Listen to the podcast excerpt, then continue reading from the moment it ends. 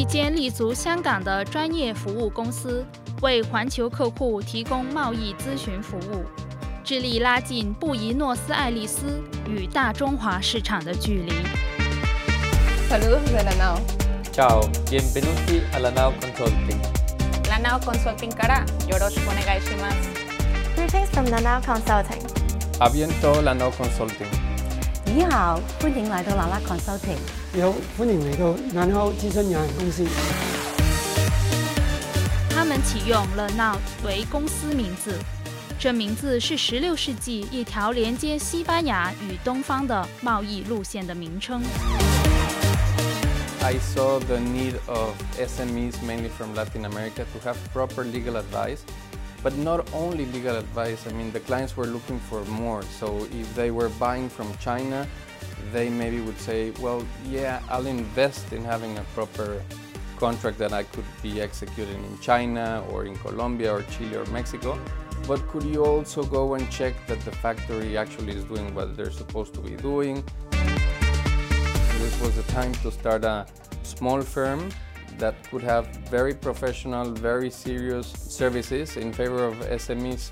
now Consulting 提供多元化企业服务。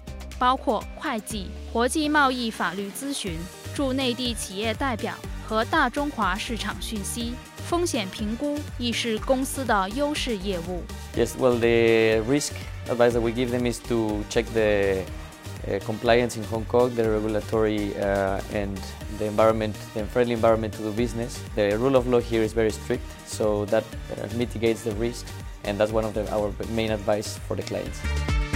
我哋比較上專業咧，就喺嗰個商標嗰度啦，其他嗰啲都有嘅。第二樣嘢就係公司嗰個註冊啊，同埋誒日後嗰個服務。咁第三、第四咧就係起咗間公司之後咧，其實會計啦，同埋嗰個報税整體都可以當係叫一條龍服務。咁佢可能會換股東咧，增加資本咧，有陣時會換董事咧，我哋都會幫佢手，咁就誒令到佢哋咧一定係要。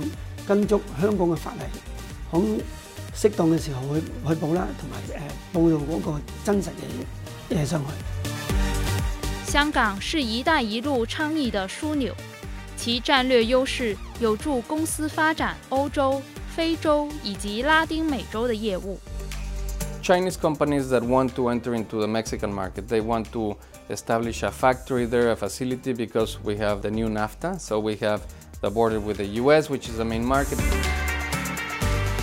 We recently advised on a case which involved a Spanish company that was transferring technology to a Chinese company that builds trains to be operating in Africa. So we need to make sure that we cover all around.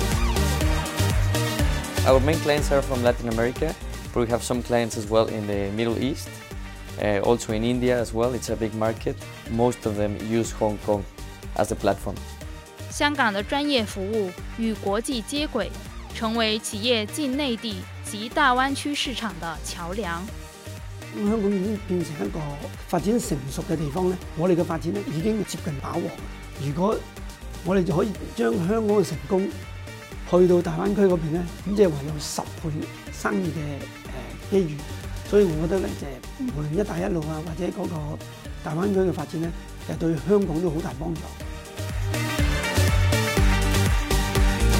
One of the cases that we have recently, it's a fruit company that they sell fruit around the world, so they are tapping the Greater Bay Area market. So they established in Hong Kong, so they take advantage of the having their bank account here, holding uh, their uh, funds in different currencies like USD or RMB. that is very useful for China. They get paid in Hong Kong and at the same time they can use the ports to get their products into China.